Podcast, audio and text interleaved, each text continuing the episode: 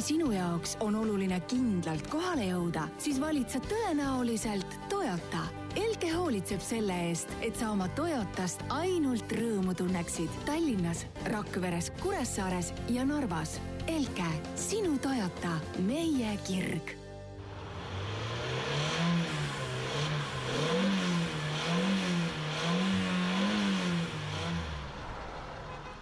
tere ja kena kolmapäeva, istmesoojendus on täna siin täiesti oma regulaarses koosseisus, mina olen siis äh, Jan-Mattias Mandri, minuga on siin äh, Veli Rajasaar. tere jälle! ja alustuseks äh, mainime korra ära selle kõlli asja, et kõik, kes on pidanud siin juba mitmes saade, meil on vist neljakümne kuues saade jah, on ju et kes on nelikümmend kuus saadet pidanud siin seda neljasilindrise mootori piinamist kuulama, siis äh, äh,. täpsustame, rida nelja, sellepärast et kohe jõuame ühe teise mootori, mis on siiski ka neljasilindriga äh,. jah, ühesõnaga varsti on oodata uut kõlli, äh, kes, kes siin tahab äh, näha, kuidas see kogu protsess toimub, siis äh, Facebookis on selle kohta väike diiser juba olemas, vana hea teibituuning ja, ja mikker auto küljes. jah, see, miks, miks kasutada lahendusi, mis on filigraansed, kui töötavad ka väga lihtsad asjad, et lõppkokkuvõttes sai jah, siin kaua juba tiisitud, õrritatud, et tuleb uus kõll, mida ei ole, on uus kõll aga lõpuks eile õhtul siis oli moment, kus äh, sõbral oli aega, et võttagi korralik tehnika, meil oli vist kaheksa,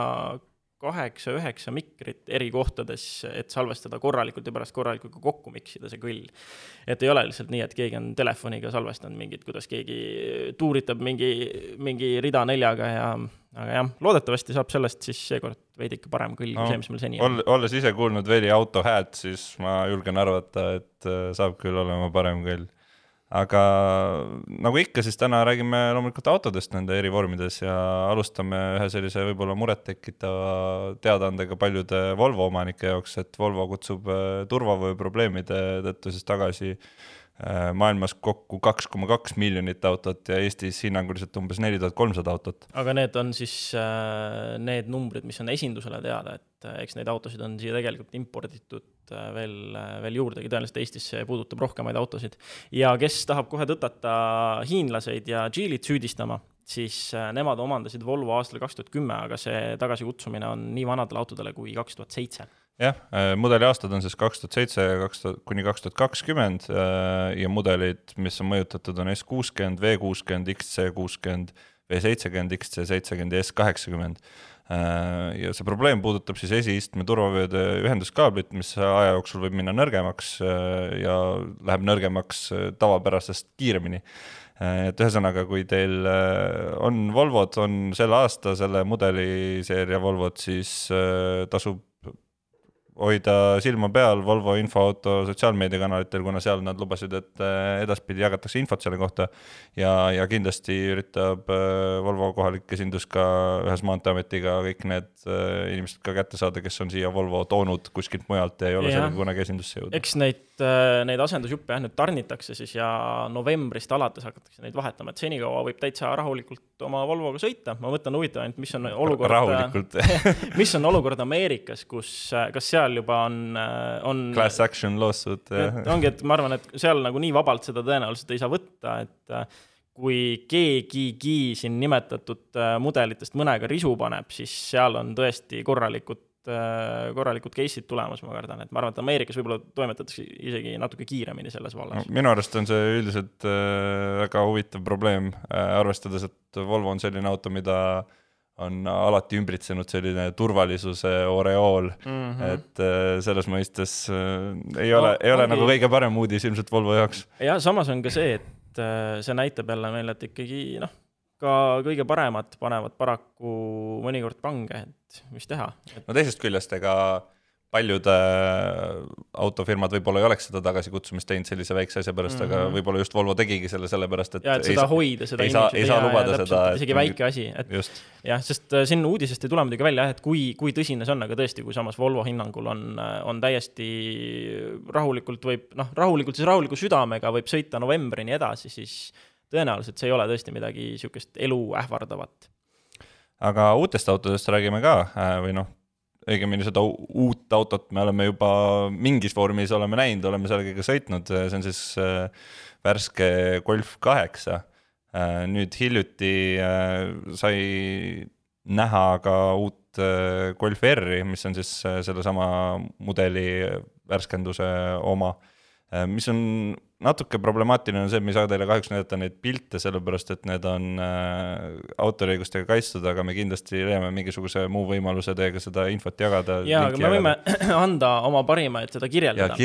see, see on Golf, see on Volkswagen, see on R, tal on neli väljalasketoru, muus osas sihuke tagasihoidlik, ma ei tea, kas sa märkasid? ei ole tegelikult tagasihoidlik, ma ütleks just tagasihoidlikkuse koha pealt on see, kui me võtame praeguse ehk siis mm -hmm. Golf seitse koma viis R-i mhm. on ju siis äh, spoiler on, ma arvan, kõige ja, märgilisem asi. jah, tal on niisugune tilluke spoiler, mis on siis äh, tagalugu peal. golfi mõistes on see ikka väga suur spoiler no,. see, see on, ütleme, niisugune Club Sport S-i äh, tüüpi spoiler juba, mhm. on ju. et äh, selles mõttes mulle, mulle see spoiler ja. isiklikult meeldis. ühtlasi äh,, ma ei tea, kas sa märkasid, osad pildid, mis on seal äh, Nürburgringil tehtud mm, -hmm. seal on sellel autol ka turvapuur sees aga noh, ma eeldan, et see on jällegi katsetamiseks, et vaevalt, et see on mingisugune asi, mida sa saad eripaketina endal, endale autole külge osta. aga lihtsalt jäi silma. aga muus osas ei, mina ütleks, et ta on ikkagi Golf R-ile omaselt selles mõttes selliste kiirete keskklassi masinatega võrreldes on ta ikkagi hall hiireke. isegi, et see spoiler tal on ähm,, noh, külgprofiilis on ta täiesti lihtsalt Äh, tavaline see Golf kaheksa põhimõtteliselt, kuidagi midagi nad on tuledega muutnud, nii et see tagumine bumper, tagumine kuidagi... bumper oli ka agressiivsem mm -hmm. kõvasti okei okay., ja see ninajoon kuidagi langeb laugemalt, ühesõnaga me siin võime heietada ja kirjeldada ja vaielda ja kõiki asjad, aga minge otsige netis üles, te leiate need pildid, ma arvan, lihtsa vaevaga. ma tahtsin äh, omalt poolt paar kommentaari öelda tegelikult veel. üks asi on see, et ma loodan, et minu äh, Golfi, mis on siis seitsmenda põlvkonna GTI, et selle väärtus läheb nüüd üles, arvestades, kui inetu Golf kaheksa on minu arust äh,. et nii GTI mm -hmm. kui ka R on jälginud kahjuks sedasama seda kurbade silmade ja, ja, ja, nagu väljanägemist, mis on üldiselt ka Golf kaheksa puhul, mulle see ei meeldi. ma tean, et internetis on selle üle olnud nagu väga kõvasid vaidlusi täpselt samamoodi, et on inimesi, kes ütlevad, et see näeb nii rõve välja. on inimesi mm, -hmm. kes mhm. ütleb, no okei okay,, ma ei tea, mulle see nagu suurem kapott meeldib ja see on lahe, on ju. Äh, teine küsimärk, mis minu jaoks on, on see kui me rääkisime Golf kaheksa puhul digitaalsusest mm, -hmm. me rääkisime sellest, kuidas ja. kõik läks nii digitaalseks ära, et sa ei leia mitte midagi põhimõtteliselt üles, sa otsid seda kuskil menüüdes, on ju siis äh, Golf kaheksa R-i puhul on see just eriline küsimus, kui sa tahad näiteks mm -hmm. ESP-d maha keerata, siis või kui sa tahad enda sõidurežiimi muuta. kõikide nende vist. asjade tegemine mm sealt äh, ekraani pealt on täielik tüütus. ma kahtlustan, et selle masina puhul on seda ikkagi arvesse võetud, et see, et selleks on eraldi mingisugused valitsed ja nupud jäetud, et need on asjad, mis tuleks hoida ikkagi võimalikult analoogina no ma sügavalt loodan, sellepärast et mm kui sa mhm. sõidad sellise autoga ja siis hakkad seal kuskil suure kiiruse peal otsima, et kus sa neid asju maha saad võtta, siis see ei ole mm nagu väga, väga mõistlik pikemas perspektiivis. Ähm, ma natuke räägin ka sellest, mis tal haiste vahel on, äh, EA kaks kaks kaheksa mootor äh, kolmsada kakskümmend kaheksa hobujõudu, millega ta peaks jõudma siis äh, saja kilomeetrini tunnis nelja koma viie sekiga. ja, ja hind võiks olla umbes täpselt seal neljakümne tuhande ringis mm -hmm. ja meieni ta peaks jõudma ilmselt järgmisel aastal. vot sellised faktid veel siia otsa Äh, kui me uutest autodest juba rääkisime, siis äh, räägime ka hiljutistest automüüginumbritest, et nüüd meil on äh, ilusti näha, mida see koroona meie automaailmaga teinud on, mis Eestis toimub ja nii edasi, on ju.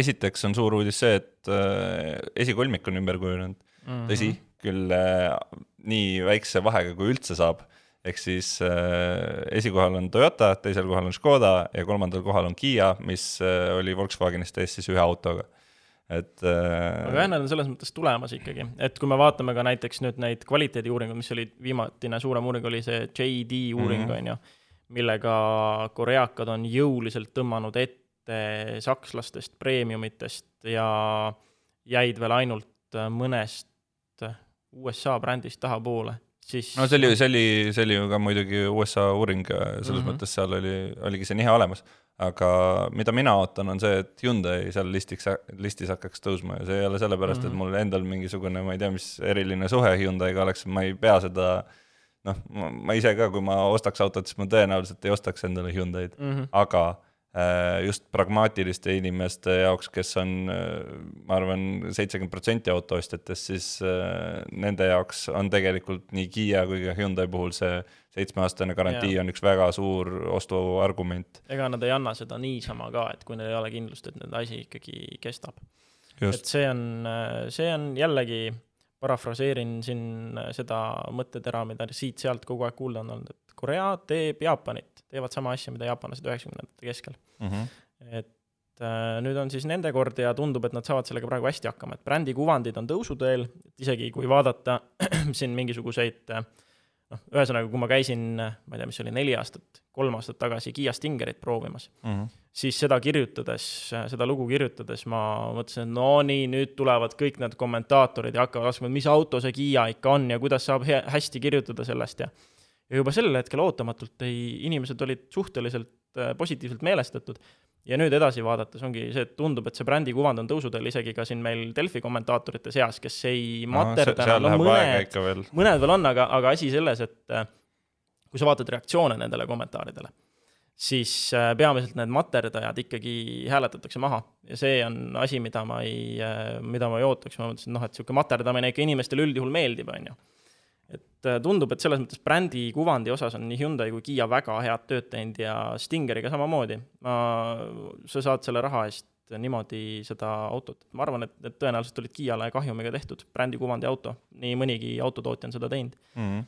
et eks nad praegu panustavad jõuliselt sellesse, et ennast inimeste teadlikkusse sisse süüa, et nad on olemas, võib-olla nad teevadki seda mingite masinate puhul väikse kahjumiga ja noh, no ega Kiia, Kiia puhul on ka palju seda, mida inimesed tegelikult ju tahavad, ongi neid linnamaastureid mm -hmm. igast erinevates vormides, on ju, et selles mõttes nad kindlasti teevad ka seda, praegust seda tippautot, et nad pala-, oskavad hästi balansseerida mm -hmm. ja selles mõttes äh, igati teenitud koht.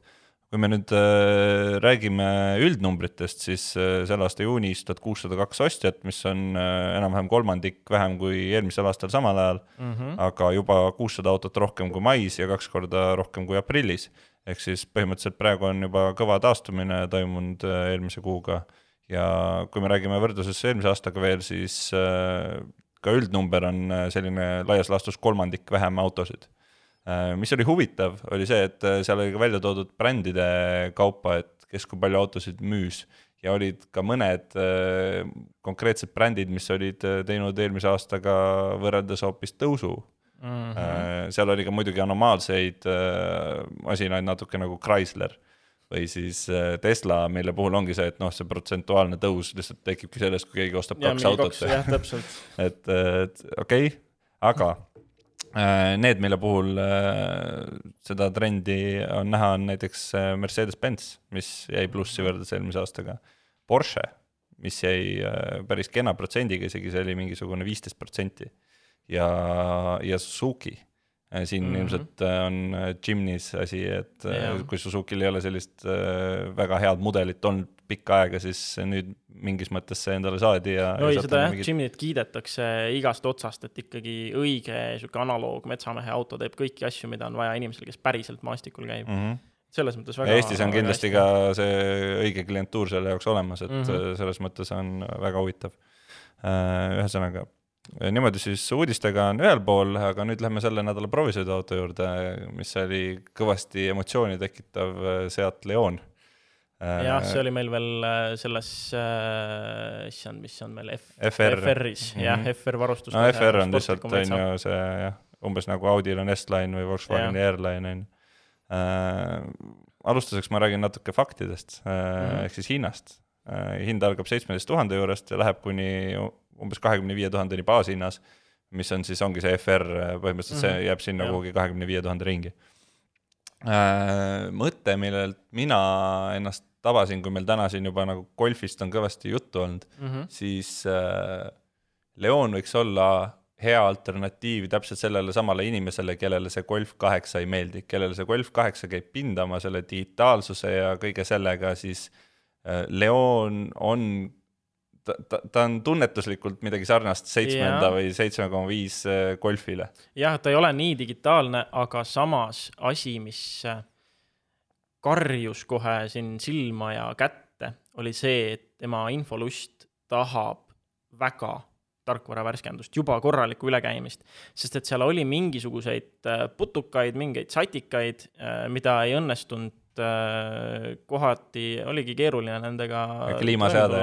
see oli näiteks tõesti see, et ma läksin esinduse enda inimesega korra veel, pidime lihtsalt hommikul minema auto täis ka tankima.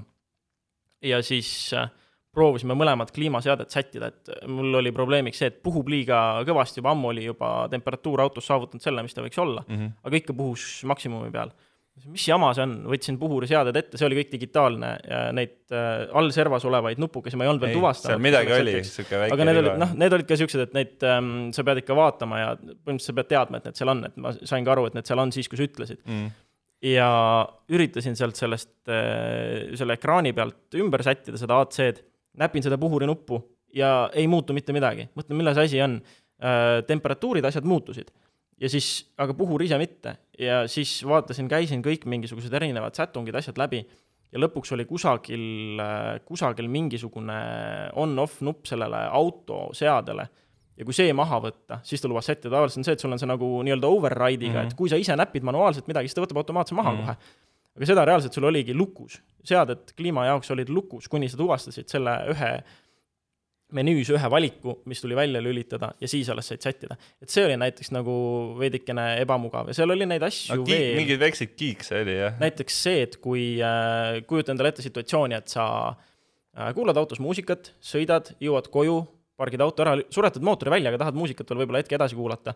aga noh, kuna sa oled auto seisma jätnud, müra enam ei ole, sa tahaksid võib-olla volüümi maha keerata ja noh, sõidu ajal ma olen harjunud seda rooli nuppudega tegema. kohe, kui sa rooli, kohe, kui sa mootori välja suretasid, siis rooli nupud mitte ükski enam ei tööta, nii et sa oledki seal ja, ja ei saa näiteks volüümi muuta. mina kui äh, Volkswagen Grupi autode spetsialist võin sulle öelda, et see on tegelikult täiesti tavaline mm.. et see on kõigi Volkswagen Grupi autode puhul, noh, nii, nii, nii pikalt, kui mina mäletan, et mm. ma olen autoga sõitnud, siis on seda olnud nii Škodade, Volkswagenite okay., mille iganes puhul. vot see oli esimene masin, mille puhul see mulle silma jäi ja, ja jällegi kahju on alustada kohe nagu sellistest negatiivsetest asjadest, sest tegelikult, tegelikult oli see väga lustlik auto ja mina üleüldiselt äh, pean seda väga mõnusaks, et äh, et selliste esiveoliste masinate puhul on saanud standardiks, ma ei tea, ma ei teagi, kuidas või mis, mis on täpselt need lahendused, mis on veermiku osas tulnud, aga aga mis, mida, mis ei olnud veel võib-olla kakskümmend, isegi viisteist aastat tagasi standard, aga ei, ma mõtlen üleüldse, et ta on äh,, isegi mitte seda adaptiivset, ma mõtlen üleüldse seda, et ta on äh, lihtsalt täpse mõnusa juhitavusega ja isegi, et ta ei ole, hoolimata sellest, et ta ei ole niisugune sihipärane sportauto siis temaga on võimalik ikkagi nägu naerule venitada kurvides.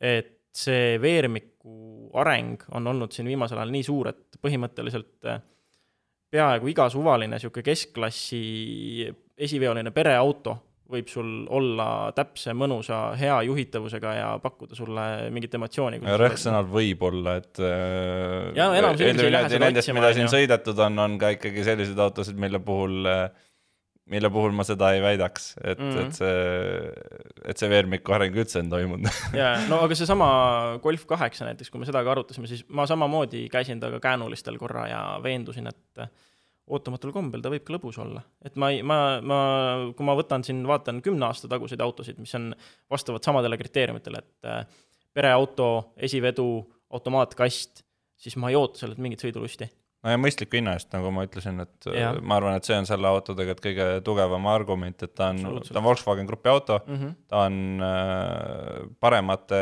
materjalidega, kui on näiteks äh, Škoda, on ju. Äh, tas ei teki seda tunnet, et ma istun mingisuguses plastist kastis ja kõik ümberringi koliseb natukene mm. -hmm. et äh, selles mõttes ta on üllatavalt hea tasakaalupunkt sellise mõistliku ostu ja hea sõidukogemuse vahel. absoluutselt ja ongi noh, ja see on see, ka see miinus, suurem miinus, see infolüst, mis ma välja tõin, tegelikult see on lihtsalt tarkvara värskenduse teema. et, äh, et ongi noh, äh, kui auto tuleb niimoodi, on uus põlvkond lapse kingades, eks tal ongi neid titevigu küljes ja need tulebki, kasutajad tagasisidestavad, ma arvan, see on mingi mõne kuu teema ja nii palju tagasisidet on, et äh, rullida välja meil siin tarkvara update ja kõik see kirjeldatu on möödanik mm. -hmm.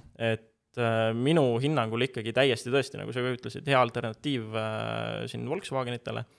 ja noh, Sätt teebki põhimõtteliselt võiks jah öelda, et võib-olla neil on tõesti kol-, Volkswagenil mingisugune pool kene vahet ja sealt ka see odavam hind, on ju, et sul ongi põhimõtteliselt äh, igale Volkswageni masinale vastav Seati alternatiiv olemas, sa saad odavamalt, tõsi, ta ei ole kõike seda kõige uuemat võib-olla tead, see ei ole neid vidinaid täpselt, aga nagu kas ongi vaja, on ju? no ma ütleks, uue Golf kaheksa puhul pigem ei ole vaja mm, -hmm. et, et selles mõttes hea valik.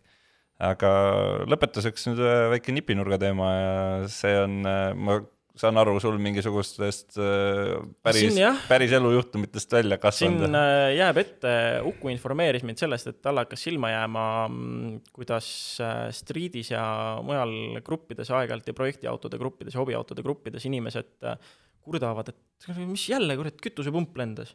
mis, mis, mis nagu toimub? ja lõppkokkuvõttes on see, et ma ei väida sajaprotsendise kindlusega, aga ma võin öelda, et see on niisugune asi, mis aitaks säästa ja hoida kütusepumpa.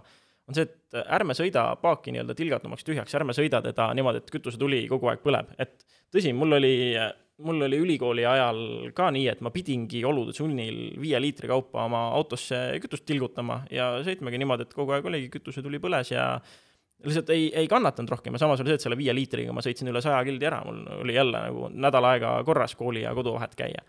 et äh, tilgutasingi, sest sellepärast, et äh, olukord oli selline, oli vaja, äh, muule ei saanud panustada.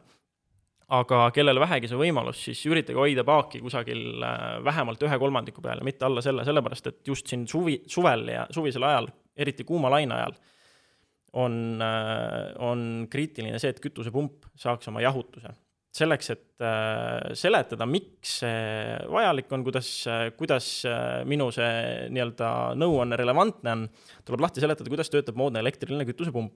põhimõtteliselt visu-, visualiseerime torbikut ja torbiku sees on elektriajam. elektriajami äh, ühes otsas on siis niisugune hammasrattalaadne labadega ratas ja see siis võtab kütusepaagis alt augu kaudu kütuse sisse, ratas ajab elektriajama otsas ringi äh, ajab kütust läbi sellise kitsamaks muutuva kanali. Äh,. see kitsamaks muutuv kanal ja sinna selle kütuse surumine tekitab siis selle surve, selle rõhu, see läheb läbi pumba üles ja siis ta läheb juba ülevalt äh, kütusetorudesse, see on siis hästi lihtsustatud äh, kirjeldus, on ju. see kütusepump ei ole muud kui ringi käiv elektriajam tegelikult. Ja see kuluosa seal ongi see, see elektriajam ise, selle laagrid. Ja mis tagab kütusepumbale töötamise? Äh, mis tagab talle määrde ja mis tagab talle jahutuse, on seesama kütus, mis teda läbib. ehk siis äh, esiteks, kui me hoiame kuuma laine ajal äh, vähe kütust paagis, esiteks mängib meile, meile vastu soojusmahtuvus, mida vähem on seda vedelikku, on ju, seda kiiremini see üles soojeneb ja seda halvem on see jahutus sellele pumbale. teiseks, kui me sõidame paagi tilgatumaks, kui me näiteks läheme kurvidesse kusagile, kus paak, paagis need viimased kütusetilgad ringi loksuvad siis vahepeal ambib see, ahmib see pump sisse õhku kütuse asemel. ja juhtubki see, et pöörlevad osad, laagrid, asjad, kuumus, ja see ongi see, mis kärsatab lõpuks selle pumba enneaegselt läbi, et äh, kui tal ei ole jahutust ja määret.